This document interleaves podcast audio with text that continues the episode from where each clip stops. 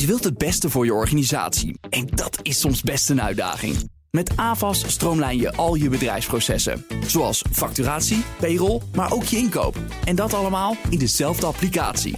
Zo weet je met één hoe je ervoor staat en hou je meer tijd over voor echt belangrijke zaken. AVAS Software, speciaal voor jouw organisatie. BNR Nieuwsradio. BNR breekt. Ivan Verrips. Goedemorgen en welkom bij BNR Breekt, de perfecte onderbreking van jouw zomerse en zonnige werkdag. Vanaf half twaalf heb ik het over eh, onderzoek van onder andere Oxfam Novib... waaruit blijkt dat onze vaccins snel hun effectiviteit kwijtraken...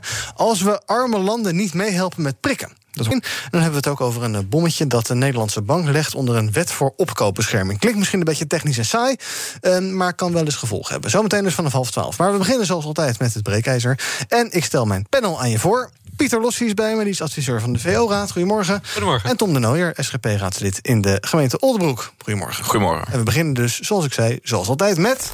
BNR breekt. Breekijzer. Dat luidt vandaag. De burgemeesters hebben gelijk. Er moet snel een concreet openingsplan voor Nederland komen. Dat allemaal naar aanleiding van die oproep van het Veiligheidsberaad. De club van 25 burgemeesters die voorzitter zijn van zo'n veiligheidsregio. Die burgemeesters die willen dat er over twee weken een routekaart ligt... met betrouwbare informatie over versoepelingen... waarbij ook de vaccinatiegraad als een soort ja, indicator een grote rol gaat spelen. Ons breekijzer dus. De burgemeesters hebben gelijk. Er moet snel een concreet openingsplan voor Nederland liggen.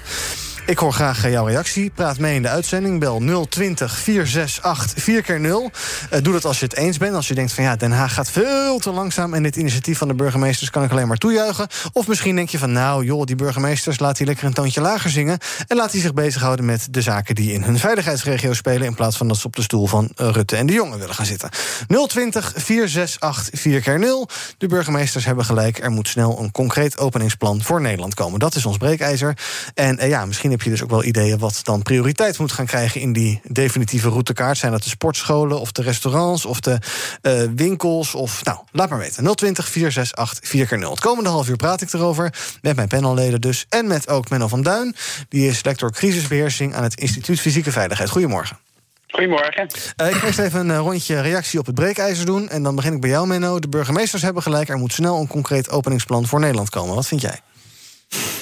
Uh, nou, kijk, Natuurlijk is het prachtig als dat er is. Maar tegelijkertijd uh, moeten we wel bedenken dat we al heel veel van die uh, plannen hebben gehad. En, uh, en, en, dashboards en, en, met allerlei verschillende titels. En wat we zien is iedere keer dat die werkelijkheid zich slecht verhoudt tot datgene wat we denken dat het zou gaan gebeuren. En met andere woorden, de onzekerheid is iedere keer erg groot.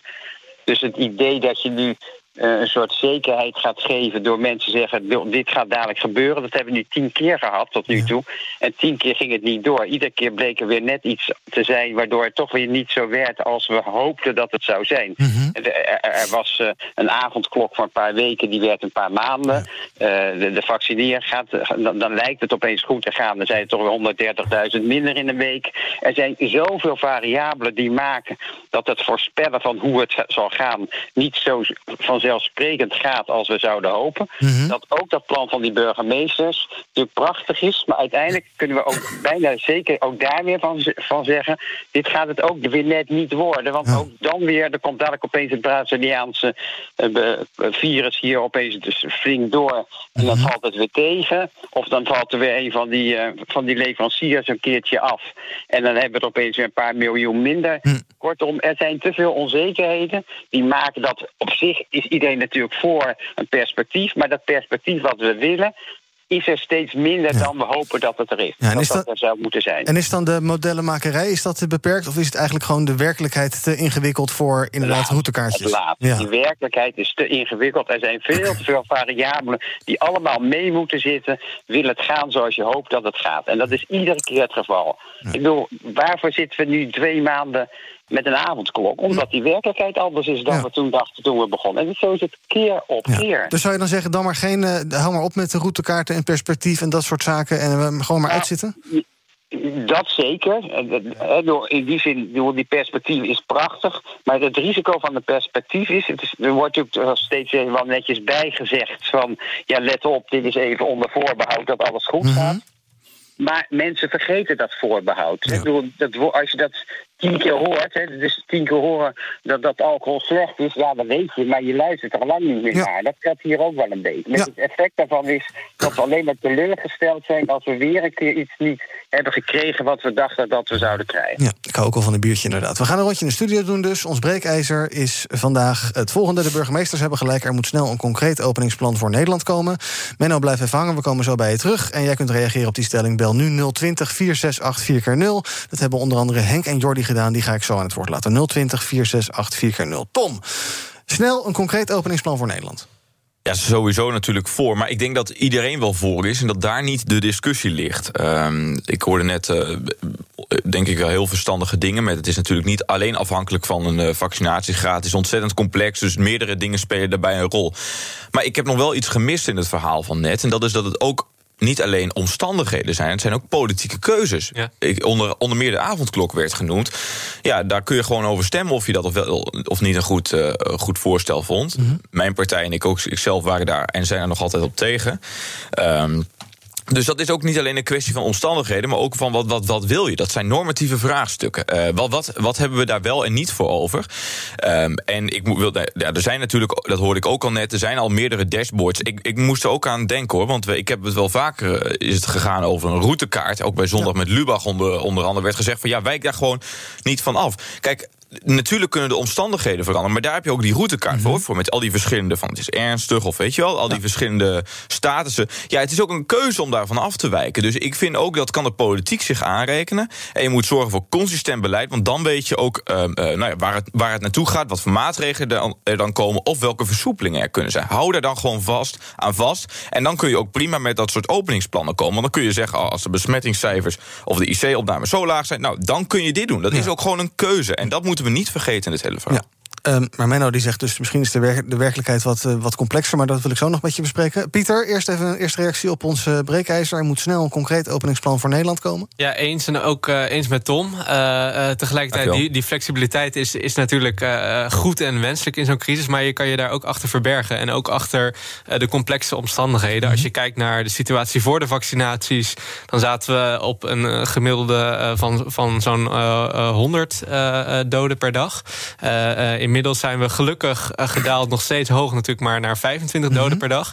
Uiteindelijk moeten we als samenleving natuurlijk wel de vraag gaan stellen: wanneer zijn we deze pandemie? Voorbij. Ik bedoel, corona eh, zal waarschijnlijk een endemie worden, zal altijd onder ons blijven. Er zullen dus waarschijnlijk altijd eh, gevallen zijn die, die overlijden aan, aan een COVID-19. De vraag is dan inderdaad: eh, moet je dan niet uiteindelijk je een, naar voren stappen, achter dat gordijn vandaan, waar je je achter verbergt, en gewoon zeggen, dus concreet vanaf bepaalde cijfers ehm, moet het weer nodig zijn dat we gewoon die kosten-batenanalyse, zowel immaterieel als materieel gaan maken. En dus uiteindelijk naar, een- naar een opening van de samenleving gaan. Ja, nou, ik heb wat dingen gehoord, die wil ik zo even aan Menno voorleggen. Eerst ga ik even naar eh, de bellers die ik net noemde. Henk en Jordi, en jij kunt ook reageren op ons breekijzer. De burgemeesters hebben gelijk, er moet snel een concreet openingsplan voor Nederland komen. Bel nu 020 468 4x0. Henk, goedemorgen. Ja, goedemorgen. Zeg het maar. Ja, ik vind ehm, hoe heet het, dat ehm, hoe heet het, een vaccin die eh, is op zich geen bescherming. Een vaccin zet alleen maar je eigen afweersysteem op het goede spoor. Van deze moet je ook grijpen. En dat is dus bij eh, hoe heet het, waarschijnlijk wel een groot deel van de, van de Nederlandse bevolking al het geval. Want we worden niet eh, massaal ziek, al iedereen die op straat loopt. Nee. Maar het gaat, het gaat hier over een open... Zouden we moeten be- be- be- bepalen wie er al eh, gewoon be- beschermd is tegen de corona of zijn Mhm. eigen afweersysteem. Maar die moet vooral dat, dat vaccin niet nemen. Nee, maar- Als je gezond bent en dan kun je door het vaccin iets krijgen wat je niet wil. Ik snap het, Henk, maar het gaat hier niet over het vaccin. Het gaat hier over een routekaart en een openingsplan. Zou je daarvoor zijn dat dat er snel komt, een openingsplan? Een openingsplan, ja. Ja. Ik ben zelf 70, maar ik voel me niet onveilig. Ik denk dat mijn afweersysteem prima werkt. Ja, nou, ik hoop het ook voor je. Dat zou fijn zijn. Eh Jordi, goedemorgen. Goedemorgen. Zeg het maar. Ja, Johnson Johnson, Moderna, Pfizer. Het zijn drie, drie vaccins. Die kunnen binnen twee maanden 50, 60 eh, vaccins, eh, 50 tot 60 procent van Nederland gevaccineerd hebben. Als er samengewerkt wordt, Moderna uit Zwitsers, die andere twee bedrijven komen uit Amerika. Maar zeker voor Amerika zijn, eh, dan heb je het over nou, 5, 6 miljoen vaccins. Dat is helemaal niet zoveel voor zo'n groot land als Amerika. Dus je kunt in twee maanden gewoon uh, medisch geen enkele reden meer hebben voor een lockdown. Nee, nou duidelijk. Ook dat gaat niet heel erg over een, een, een, plan, een concreet plan voor heropening. Maar dat geeft niet. Dank voor het bellen. 020 4684 0 Dat is uh, het nummer waar je op kunt bellen om te reageren op het breekijzer. Er moet snel een concreet openingsplan komen voor Nederland. Um, ja, Menno, je zou denken, als je even met een soort boerenverstand denkt, um, dan zou je toch denken dat je een soort. ik ben een beetje een nerd, dus dan ga je een soort Excel-sheet maken waarop je allerlei waarden kunt invoeren. Ziekenhuisopnames en IC's en besmettingen besmettingscijfers of misschien uh, positieve testen, vaccinatiegraden inderdaad. En dan zou je toch kunnen zien hoe ons land ervoor staat. Maar dan zijn er dus altijd blijkbaar weer geniepige dingen die dan niet meewerken. Nee, kijk, natuurlijk ben ik het in die zin ook wel eens met die burgemeesters. Je moet ook dat vaccineren meetellen in, in, je plannen. Want uh, op het moment dat er steeds meer gevaccineerd is, terecht werd ook in het panel gezegd, door net ook in de reacties, uh, er zijn steeds meer minder mensen die overlijden. Dus er gaat terecht, er komt natuurlijk die omslag dadelijk. Uh, dat je weet van je kan meer en meer dingen gaan doen vanwege het feit dat je door in, inmiddels de risico's heel erg beperkt laten. Mm Tuurlijk is dat zo dadelijk. Maar dat gaat toch nog even, weet ik veel, nog anderhalf maand duren. En in dit geval, eh, eh, daarom vond ik de laatste Lubach erg aardig. Het is eigenlijk de enige advies is nu gewoon even zes weken hou vol. Ja. En dan vervolgens, laten we dan gaan praten over perspectieven, et cetera. Maar we moeten wel eerst even gewoon zes weken door of acht weken. Zonder dat we er alleen maar gaan discussiëren over, over allerlei plannen en over vaccins, et cetera. Dit is nu gewoon even zes weken of acht weken accepteren dat het gaat zoals het gaat. En mhm. daarna mogen kunnen, kunnen de alle, alle scenario's volledig uit de kast. Omdat, op dat moment, natuurlijk, en dan, dan moet je ook dingen doen. Omdat het aantal besmetten dan inmiddels zo laag is geworden. Uh, dat je dan kan zeggen: oké, nu, nu gaan we dit openstellen en dat kan en dat mag weer. En dan onder condities gaan we dit en dat weer doen. Prima. Maar nu te doen van over twee weken, et cetera. Weer zo'n zo'n hoopachtige. Nou ja, dat is misschien niet. Geven. Gewoon zeggen: zes, acht weken nu even, even gewoon nog even rustig blijven. Ook burgemeester nog even stilzitten.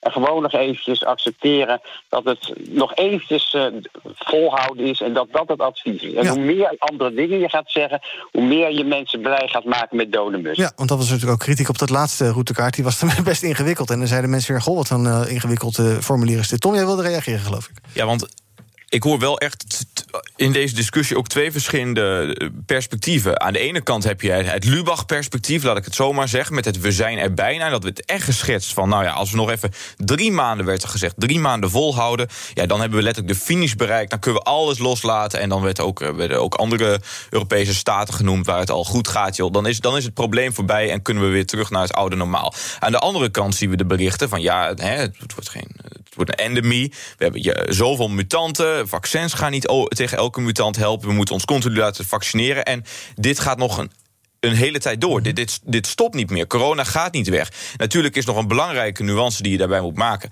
Kijk, de zomer zal natuurlijk een, een, een veel lichtere periode worden. Vorig jaar was het ook bijna verdwenen. Besmettingscijfers zo laag. Kon er ook meer, om het maar even tussen heel grote aanhalingstekens te zetten. Dus die nuance moet je maken. In de zomer zal het altijd beter gaan. Maar de vraag is echt, zijn we er over drie maanden? En is het dan ook, ook, zomer of niet echt voorbij? Of gaat het echt nog volgend jaar en de jaren daarop door? Ik denk persoonlijk, maar ik, nou, mijn hoop is een beetje, een beetje aan het weggaan. Mhm. Maar in die zin moeten we dan, zouden we ook niet hoeven zeggen... ja, over een paar weken, ja, nou, we nu dan maar even de tanden op elkaar houden... want dan zijn we er. Dan kan dat nog wel eens bitter gaan tegenvallen. BNR breekt. Ivan Verrips. Rondje bellers, mensen die reageren op ons breekijzer. De burgemeesters hebben gelijk, er moet snel een concreet openingsplan voor Nederland komen. Ik begin bij Robert, goedemorgen.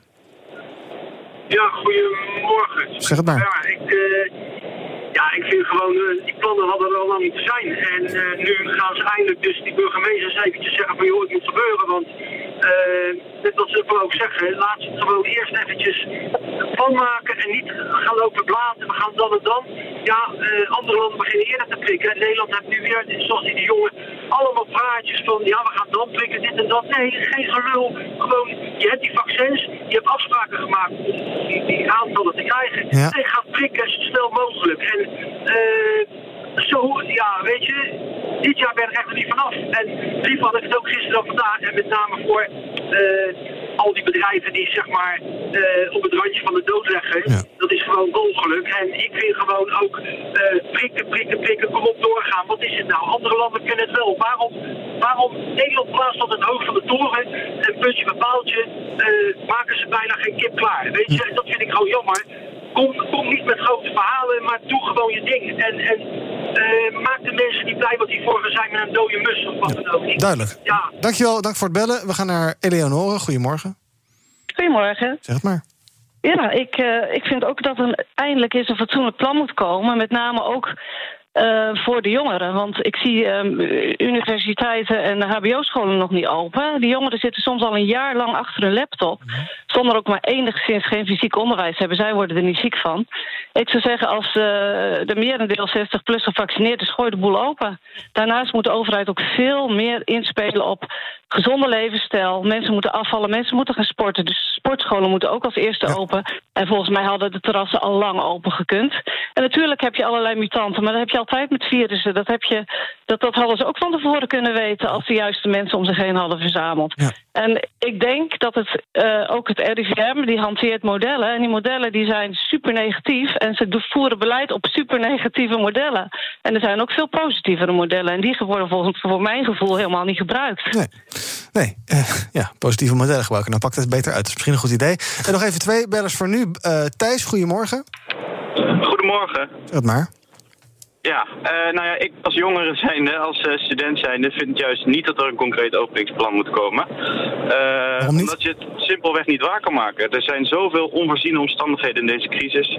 En het zal alleen maar leiden tot meer teleurstelling en meer dode mussen. Dus het heeft geen zin, denk ik. Nee, duidelijk, dankjewel. En tot slot, Bart, goedemorgen. Ja, ik ben het helemaal, helemaal eens met, mijn, uh, met de vorige spreker. Uh, ik denk dat uh, het enige wat we op dit moment kunnen doen is hopen op het beste. En ehm, de, alle plannenmakerij die er op dit moment gebeurt, ja, dat is een soort gedachteoefening voor beleidsmakers die hopen dat, dat er iets te controleren valt aan, aan deze crisis. Ik denk niet dat we daarbij gebaat zijn. Ik bedoel, ga gewoon allemaal een cursus prikken doen en, uh, en zorg ervoor dat die vaccins zo snel mogelijk worden uitgedeeld. Maar een soort van Excel-sheetjes verzamelen om maar te proberen de controle te houden over iets waar je gewoon inherent geen controle over kan hebben. Ja, sorry hoor jongens, waar zijn we nou mee bezig? Ja, duidelijk, dankjewel voor het bellen. Uh, zometeen wil ik nog wat zaken aan Menno voorleggen. Eerst heel even kort nog naar Pieter. Uh, ik hoor net uh, jongeren, nou bij jongeren moet ik gelijk aan jou denken. en studenten ook vooral. Ehm, zouden die er niet aan, iets aan hebben dat je zegt... nou, op dit moment kan, kunnen de scholen weer open? ja. Zo, dat je iets concreets hebt. En het hoeft niet een datum te zijn, maar meer een moment in, ja, wanneer het kan. Ja, nee, zeker. Dat, zou, dat zou ontzettend fijn. Ik heb zelf ook, ik ben eerstejaars, ook nog niet echt op de campus geweest. Een aantal projecten aan het eind van het jaar die ik graag fysiek doe. En ik heb echt totaal geen benul of ik me daar ook fysiek op moet voorbereiden of niet. En, en eerlijk gezegd snap ik het ook gewoon niet. Omdat wat je nu ziet is dat inderdaad studenten uh, nou, bij elkaar op bezoek gaan. Ze hebben toch sociaal contact nodig. Terwijl al die universiteiten en, en hogeschoolgebouwen met, met honderden vierkante meters... die, die staan al maanden uh, leeg. En volgens mij kan je dat prima veilig coronaproef organiseren. Maar er is gewoon geen, geen ambitie, geen, geen daadkracht om echt iets te betekenen uh, voor die grote groep. Wat je dan ook ziet, dat is, ik bijvoorbeeld, ja, ik ben, ik ben ook politicologie student, tweedejaars dan weliswaar. Maar goed, inderdaad, ik kan me heel goed voorstellen. Ik, ik had ook natuurlijk vorig jaar mijn, mijn project waarbij ik een maand lang met al mijn, uh, mijn klasgenootjes, om het zo te zeggen, fysiek dingen ging doen en met elkaar een project maken. Maar inderdaad, want wat mensen ook wel eens vergeten, het zou al alleen al helpen, al zou je nu beslissen van, joh, beste studenten, u kunt niet meer tot het einde van, de, van dit studiejaar. Ook duidelijk. Op, ja, precies. Want nu, ik krijg bijvoorbeeld nu nieuwe vakken. Ik heb nog geen idee hoe die toetsing eruit nee. gaat zien. Dus en nu zit ik allemaal quizjes thuis te maken van die multiple choice dingen. Ja, dat is echt ook een andere manier van voorbereiden. Met dingen bijhouden en zoals je dat wekelijks hebt als je dat hebt, of je hebt een tentamen waar je voor een blok op het einde. Ja, dat, dat weten we gewoon niet. Dus schaf er meer duidelijkheid over. Al zou het maar zijn, beste studenten, u kunt tot en met uh, tot, tot september gewoon niet meer op de campus komen. Ook dat schept duidelijkheid. Ja. Menno, uh, heel even over de positie van de burgemeesters. Die zet het kabinet hier best wel een beetje mee onder druk. Want ze zeggen over twee weken willen wij duidelijkheid. Uh, stellen zij zich niet een beetje op als het vijfde wiel aan de wagen? Het zijn allemaal niet gekozen bestuurders die ook al opeens overal een zegje over willen doen. En ook best veel invloed hebben, want ze hebben de avondklok, avondklok een uur achter gekregen. Ja, nou kijk, op zich heb ik er geen probleem mee dat, dat die die invloed proberen uit te oefenen. Sterk, het is alleen maar goed, want uh, door, het is rijksbeleid, maar in belangrijke mate staan gemeenten aan de lat om dingen uit te voeren. En dan moet politie handhaven, et cetera. Dus dat die een, een forse stem in het geheel hebben, vind ik alleen maar goed. Door het niet zo vreemder zijn als alleen maar één minister of een kabinet het bepaalt en anderen het allemaal moeten uitvoeren. Laat in ieder geval degene die bij uitvoering betrokken zijn ook meepraten in datgene wat er gebeurt. Dus mhm. daar heb ik geen probleem mee.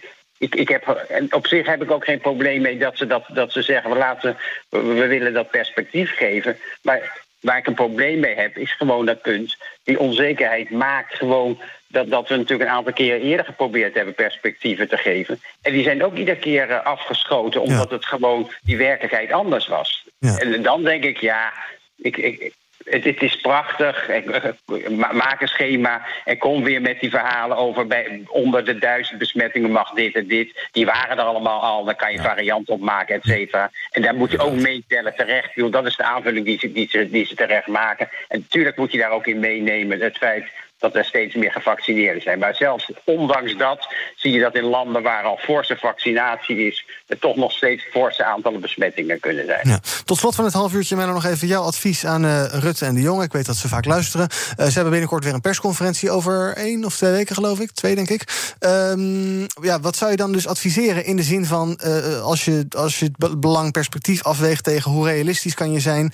ja, wat, je moet wel duidelijkheid bieden, maar je kan ook weer niet te veel hoop geven. Hoe hoe los je de duivelse dilemma op wat jou betreft? Uh, deels door het te benoemen, hè. Mhm. dat is al een belangrijk punt. Hè. Door ook mensen duidelijk maken dat het een duivels dilemma is. Dat het natuurlijk heel makkelijk is om met perspectieven te komen. Dat, we, dat ze dat natuurlijk een aantal keer gedaan hebben. Dat je dat heerlijk is om weer te zeggen: over vier weken kunnen we dit en dat. Maar dat iedere keer die situatie over vier weken wordt bepaald. En dat dan eigenlijk de boodschap hou vol de enige echte boodschap is. Want het, het, is tot aan de zomer of tot, tot half juni of zo. En dan zal dat ongetwijfeld als, als die in, in de die, die redelijk zeker is dat die vaccinaties gewoon doorgaan, uh, dat, dat je het dan gaat redden. En, en te veel perspectief voordien geven, uh, zou ik eigenlijk zeggen, doe dat nou eens gewoon niet. En, en leg ook vooral uit dat je het ook niet kan doen. Nou, dan sluit ik Excel weer af, want uh, dat heeft toch geen zin. Dankjewel, Menno van Duin, lector crisisbeheersing... aan het Instituut Fysieke Veiligheid. Zometeen in het tweede halfuur van BNR Breekt... dan praat ik met mijn panel over botsingen, aanhoudingen... en vannacht ook vuurwerk bij de Miraskerk in Krimp aan de IJssel.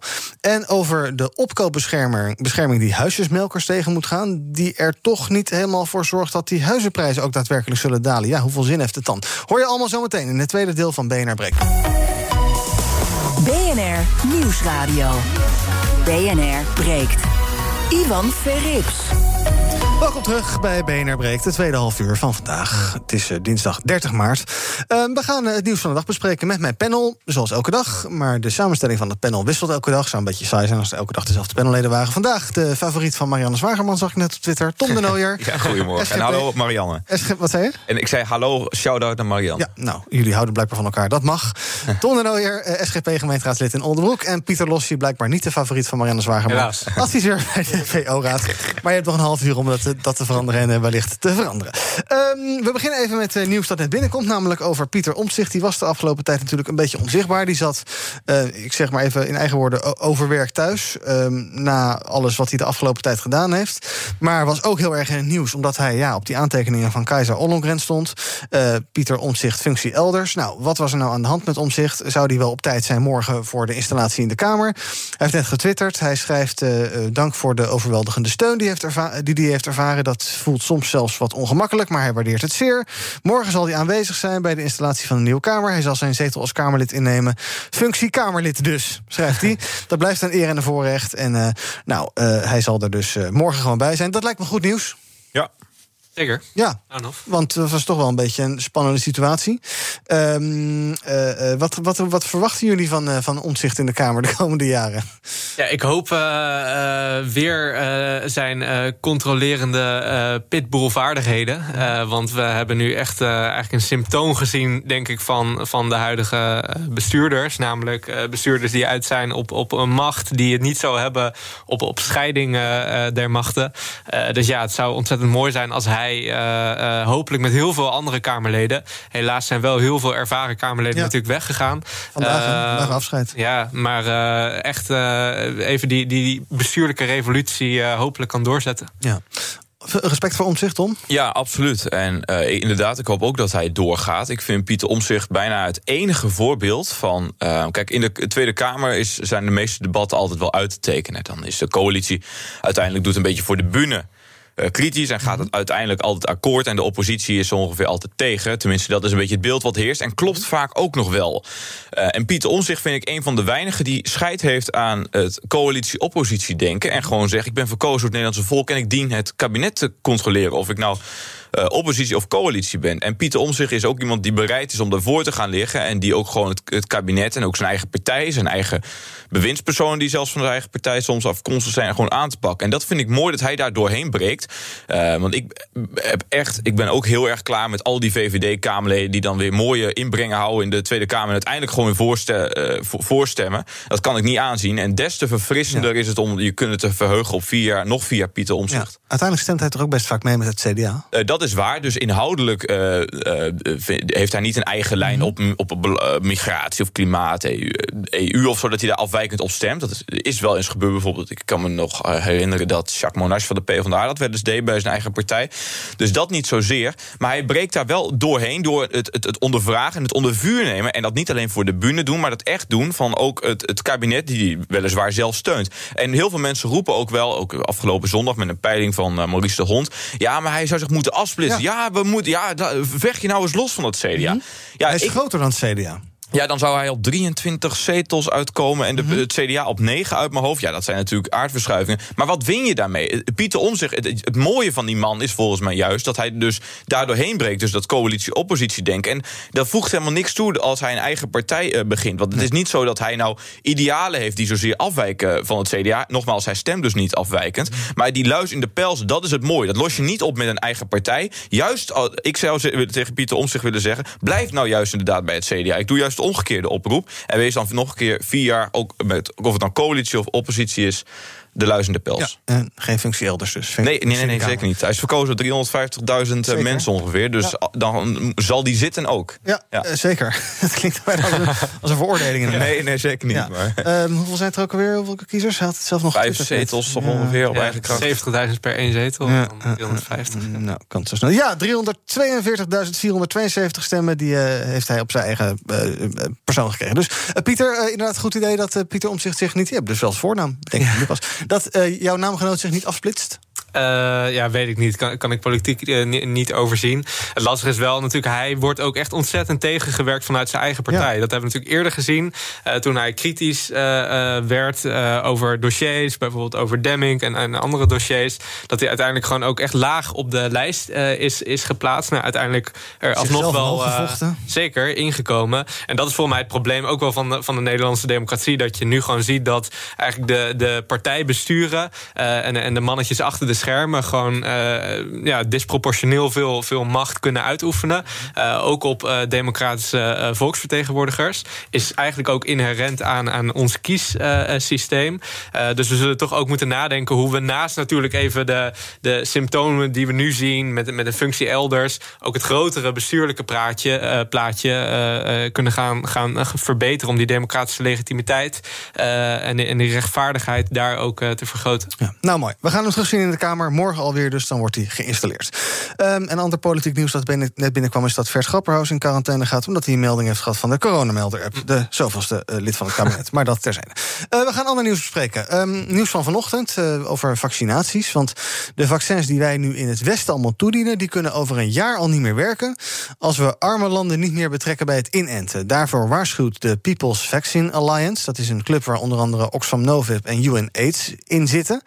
Um, nou, er zijn best veel lekkere westerse landen zijn lekker bezig met inenten. Maar veel ontwikkelingslanden hebben geen toegang tot vaccins. En in die landen krijgt het virus dan dus de kans om gewoon door te woekeren, zich te blijven muteren. En wetenschappers verwachten dat al binnen een jaar nieuwe mutanten gaan ontstaan waar de huidige vaccins niet tegenop kunnen. En Oxfam Novib roept, roept rijke landen dan ook op om patenten op de productie van vaccins op te heffen. In ieder geval samen te werken en die informatie te delen. En uh, ja, op die manier dus ook uh, die arme landen te helpen. Dus het sluit ook wel aan bij de doelstellingen van Oxfam Novib. Tom, wij zijn gewoon te egoïstisch met onze vaccins in, onze, in die rijke landen. Ja, nou, je moet altijd kijken wat uiteindelijk Want er wordt ook gesproken van, ja, maar als je dat, als je dat zou, zou delen met ontwikkelingslanden, heb je daar zelf ook profijt van. Mhm. Want het is van collectief, wereldwijd, mondiaal belang. Als, uh, als er niet te veel mutanten ontstaan en dat daar ook uh, vaccins beschikbaar zijn, dan moet je daar altijd naar kijken.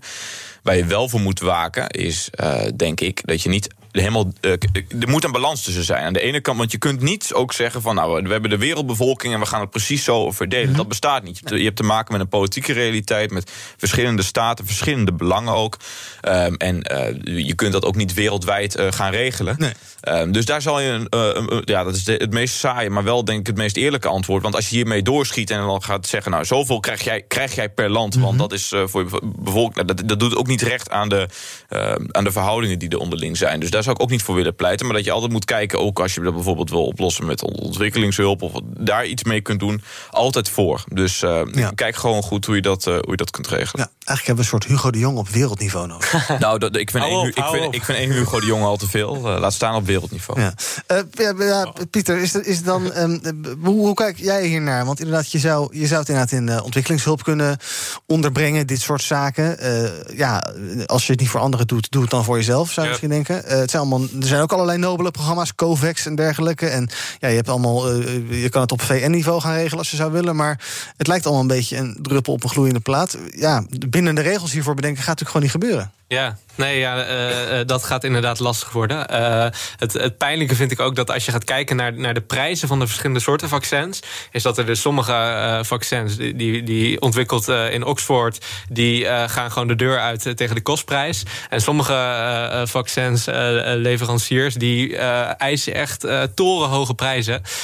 en ik vind dat dat in zo'n pandemie, waarin je natuurlijk ook al heel veel mensen hebt die, die, die vragen stellen, soms complottheorieën over of, of farmaceuten niet uh, uh, zelf natuurlijk ook geld uh, uit deze crisis willen halen, vind ik dat gewoon een, een verkeerd signaal. En zou ik inderdaad zeggen, zorg dat je in die zin meer reguleert, dat je meer afdwingt dat die prijzen zoveel mogelijk bij de kostprijs liggen. -hmm. om er inderdaad ook voor te zorgen dat je gelijk speelveld creëert voor die landen die niet de welvaart hebben om ja. uiteindelijk ook hun gezondheid middels die vaccins te verbeteren. Ja, zou je er niet als Nederland een soort uh, morele voorloper kunnen zijn. Dat je zegt van voor elke prik die wij zetten, geven we één of twee prikken, weet ik veel, aan derde wereldlanden weg. Ja, dat zou prachtig dat zijn. Heel nobel, maar misschien, maar uh, misschien ook wel wat naïef. Ik denk wel dat als je dit wil doen, dat je dit dan ook wel echt in, in groter verband zou moeten afspreken. Ja. Ik ga even een rondje doen met uh, wat jullie opgevallen is in het uh, nieuws. En dan begin ik even met Pieter, want jouw nieuws sluit hierop aan. Heeft denk ik te maken met uh, die, ja, was een beetje een open brief, hè? Ja. Van onder andere Michel, maar ook Rutte, Merkel, Macron stond eronder, geloof ik, Johnson, ja. Europese leiders. Die hebben een open brief geschreven in de Daily Telegraph. Wat zeggen zij? Ja, zij zeggen uh, dat het nodig is dat we uh, eigenlijk ervoor gaan zorgen dat we uh, toekomstige pandemieën beter kunnen gaan voorkomen. Mm. zij zeggen ook een aantal dingen over nou, dat vaccinaties beter verspreid moeten worden. Dan denk ik, nou, dan is nu het moment om daar mee te beginnen. Maar ja. goed, waar mijn mond wel echt van open viel, was de volgende zin. daarin stond in die brief: ehm, onze solidariteit met de toekomst, onze kinderen en onze kleinkinderen houdt in dat we de impact van volgende pandemieën pandemie op onze economie en samenleving zullen verkleinen. Het is namelijk onvermijdelijk dat er nieuwe pandemieën komen en, uh, en nieuwe gezondheidscrisissen.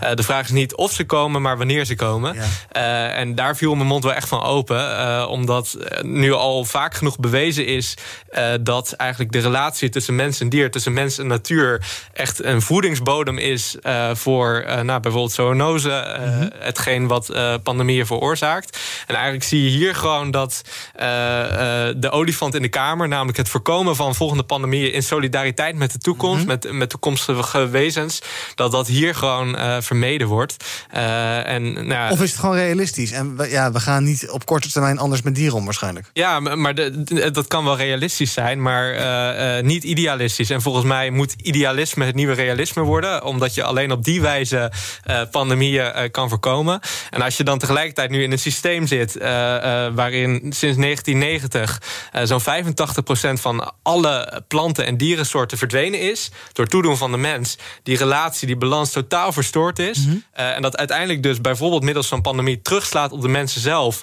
En je zegt, ja, we moeten gaan kijken naar symptoombestrijding. om te zorgen dat de impact op de economie wel te verstaan. Uh, dat die beperkt blijft ja. in de toekomst. Dan, dan blijf je in datzelfde foute oude politieke systeem zitten. wat niet voor een betere toekomst gaat zorgen. Idealisme, het nieuwe realisme. Als een van de linkse partijen deze slogan wil claimen, kan die contact opnemen met BNR. Uh, beter maar eens, Tom? Ja, ik vind het wel uh, mooie woorden. Ik, het geinige... Ik met het verhaal, niet zozeer met die slogan. Maar... Uh, nee, oh, nee, met het verhaal, ja, ik ben met beide hoor. Ik vind het een mooie slogan hoor. Ik ben ook uh, van het idealisme.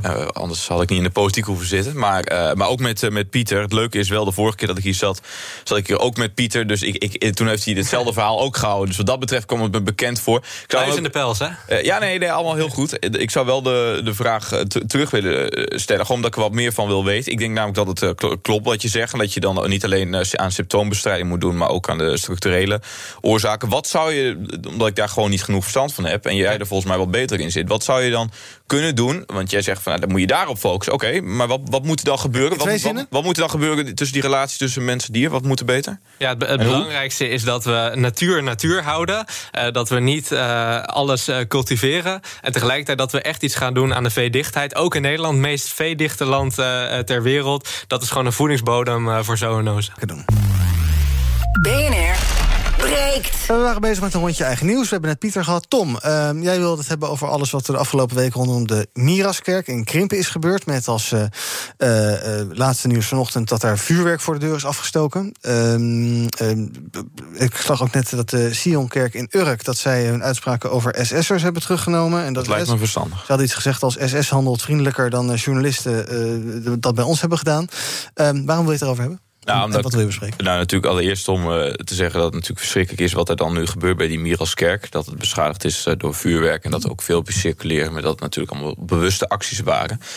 Waar ik bezorgd over ben, is dat het nu een soort actie-reactiespel wordt... wat eigenlijk nooit meer ophoudt. Uh, dat kun je uh, aan de ene kant zien met... Uh, tussen journalisten en kerkgangers? Ja, maar ook tussen... nee, dit, dit dat zal, we, we weten het niet, maar zo'n uh-huh. vuurwerkbom... ik denk ook niet zo snel dat een journalist nee, uit, als, als, als tegenreactie dat nu aan doen. Ja, ja nou, wie, ik, ik zal, laat ik niemand verdenken... maar om de sfeer hier goed te houden, nee, geintje. Maar ehm, ik vind het wel zorgelijk als het zo doorgaat met die actie-reactiespelletjes.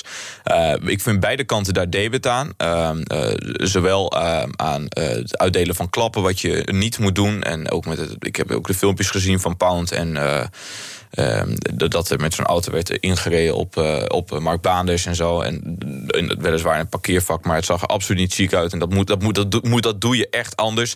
Aan de andere kant ook uh, journalisten die op een hele heigerige manier hier staan. Het, het, lijkt alleen maar verder te escaleren op deze manier. Daarom vind ik het wel verstandig dat die uitspraken, die ik echt al afkeur over dat SS'ers nog beter voor ons waren dan journalisten. Ja, mm -hmm. dat, dat, dat doe je niet. Dat, dat kan echt niet. En dat helpt ook niet mee. Ik vind beide kanten moeten hun positie verstaan. En ook als je het hebt over wil je dit nou nog verder laten opspelen of niet. Je kunt juist ook kiezen voor een bewust de-escalerende houding. Van beide kanten. En uh, dat lijkt me nou het, het, enige wat je zou kunnen doen om, om dit een beetje, deze verhit discussie iets, uh, iets te laten bekoelen. Want ja. anders zie ik ook geen oplossing. Dus jij zegt, journalisten moeten ook hun toon een beetje aanpassen? Nou, ik, ik vind dat journalisten hun werk, dat staat buiten mm -hmm. kijf. En dat doe ik op geen enkele manier afbreuk aan. Dus ook als je. Ook als je, ik, ook als je heigerig bent? Ja, ook als je heigerig mm -hmm. bent. Journalisten gaan over. Ik zou natuurlijk een oproep kunnen doen van journalisten. Denk hier en daaraan. Stel je niet zo heigerig op. Maar dat is allemaal nog oproep. bovenal en buiten kijf staat dat journalisten hun werk moeten kunnen doen. Ook als dat, ook als dat zondagochtend bij jouw kerk is en dat je je daardoor onjuist bejegend voelt. Dat is uh, tot daar aan toe. Aan de andere kant zeg ik wel, de, niet om de afbreuk aan te doen, maar ik zou dan wel willen meegeven. Het kan helpen, als ik het had over die de-escalerende de houding, dat als je Mark Baanders bent, uh, dat je eerst even vraagt zonder microfoon en draaiende camera van mag ik u interviewen? Dan zul je weliswaar 99 keer nee horen, want dat, uh, dat, dat zagen we ook in de filmpjes. Maar neem er dan genoegen mee. En ga dan niet omdat je dan denkt van shit, ik heb zo uh, op deze manier geen leuk filmpje. Die microfoon onder mensen hun, hun neus douwen. En dan maar wachten tot er eentje ontploft. Ja. Ik vind dat ook. Kijk, het, het, mag hè. Nogmaals, ik, ik zou dat nooit willen verbieden. Maar ik zeg wel van joh. Um, um, uh, het, waar ik het net over had, dat actie-reactie, probeer er ook je eigen verantwoordelijkheid in te verstaan. Ja. Zonder en dat geldt van beide kanten, te wijzen naar elkaar. Ga eerst bij jezelf te raden. Ja, want waar leidt dit dan nu toe? Ja, dus vanochtend tot vuurwerk, maar dat is dan dus blijkbaar een soort uh, uh, collectieve woede op, op dit, dit soort kerken, zeg ik maar even. Ja, wat, ja. kerken, en dan kun je het hebben over. Wat is de volgende stap in de nou actiereactie dan? Je ziet, je ziet nou ja, dat het nog verder gaat, maar je ziet ook dat het een breder punt is. Hè. Het gaat niet alleen ook om coronamaatregelen wel of niet en adviezen wel of niet opvolgen. Je zag ook al pas met een aflevering van Boos, dat ging over de, de dezelfde kerk in Krimpen aan de IJssel, de mhm. Miraskerk. Um, ja, dat daar ook um, um, nou ja, groepen tegenover elkaar worden eh, gezet. Of in ieder geval uh, kerkgangers of een dominee tegenover. Uh, en ik zie ook dat, dat, dat die kloven worden vergroot. Het was een, een homoseksuele jongen die zich absoluut niet prettig voelde bij een brief die door die dominee was verstuurd aan de gemeenteraad. Je ziet dus continu dat er een verdere verwijdering ontstaat van elkaar. Van aan de ene kant een soort van seculiere Nederland. En aan de andere kant een kleine groep orthodoxe christenen. Waar ook ik zelf toe behoor. Um, uh, en dat, dat gaat dus niet op, op, op één punt, maar dat zie je op allerlei punten. Pas hadden we afgelopen weekend in NRC ging het ook over uh, het Gomaris College. Ook mhm. daar zie je die verwijdering groeien. en ik vind, dat, ik vind dat echt zonde. En ik zie dat niet echt een goede kant op ontwikkelen. Dat gaat ook zijn politieke vertaalslag krijgen. In moet die uitzonderingspositie van kerken. Wordt ook verschillend over staatsrechtgeleerden over gedacht. Moeten we die aanpakken? Aan de andere kant artikel 23 bijvoorbeeld. Wat ook gaat over die, die, die, die, die, die, die, die twee groepen. Aan de ene kant orthodoxe christenen. Ja, en, en aan de andere kant een seculier Nederland. Bij mensen die zich daar absoluut niet uh, prettig bij voelen dat het überhaupt plaatsvindt. Uh, dus ik zou willen zeggen, het, het, kan helpen voor de discussie om dat, uh, om dat op een heel andere manier aan te pakken en daar een meer de-escalerende rol te kiezen. Pieter, hoe sta jij in deze discussie? Ja, het, klinkt misschien een beetje flauw, maar op dit soort momenten uh, verlang ik echt zo erg terug naar bijvoorbeeld de finale van het WK in 2010 of, of het begin van deze coronacrisis. Ik weet nog waar ik was. Ik weet nog waar uh, waarin we uh, klapten voor de zorg massaal. Ja, dit is, dit is pijnlijk om te zien. en ik, ik hoop dat we als, als samenleving toch enigszins de verbinding inderdaad kunnen maken. Volgens mij verdeel en heers komen we niet verder mee. Om gezamenlijk de, de grote overstijgende opdrachten en, en uitdagingen aan te pakken. Uh, en elkaar in die zin uh, ja, een, een beetje in elkaars waarde ja. te laten. Je mag dan best oneens zijn, maar houd een beetje netjes. Ja stichtelijk programma dit weer. We gaan even kijken wat er eh, trending is op sociale media momenteel. Um, ja, ik kom er niet omheen. Inderdaad, uh, hashtag SS'ers. Um, uh, die dominee in Urk die stelde dat... Uh, of althans, die kerk in Urk die stelde dat SS'ers nog aardiger waren dan journalisten voor de kerk. Hashtag Bibian Mentel, de snowboard-icoon en voorvechter van gehandicapte sport... die is gistermiddag overleden. Veel bedroefde reacties uit de sportwereld... maar ook veel mensen die ja, hoop halen uit de kracht die zij heeft getoond... de laatste jaren. hashtag vaccinatietempo. Je weet, afgelopen week lagen we flink achter op schema. Uh, eh, 400.000 prikken moesten er gezet worden. Het werden er 280. En Vincent van Gogh is een hashtag momenteel die trending is.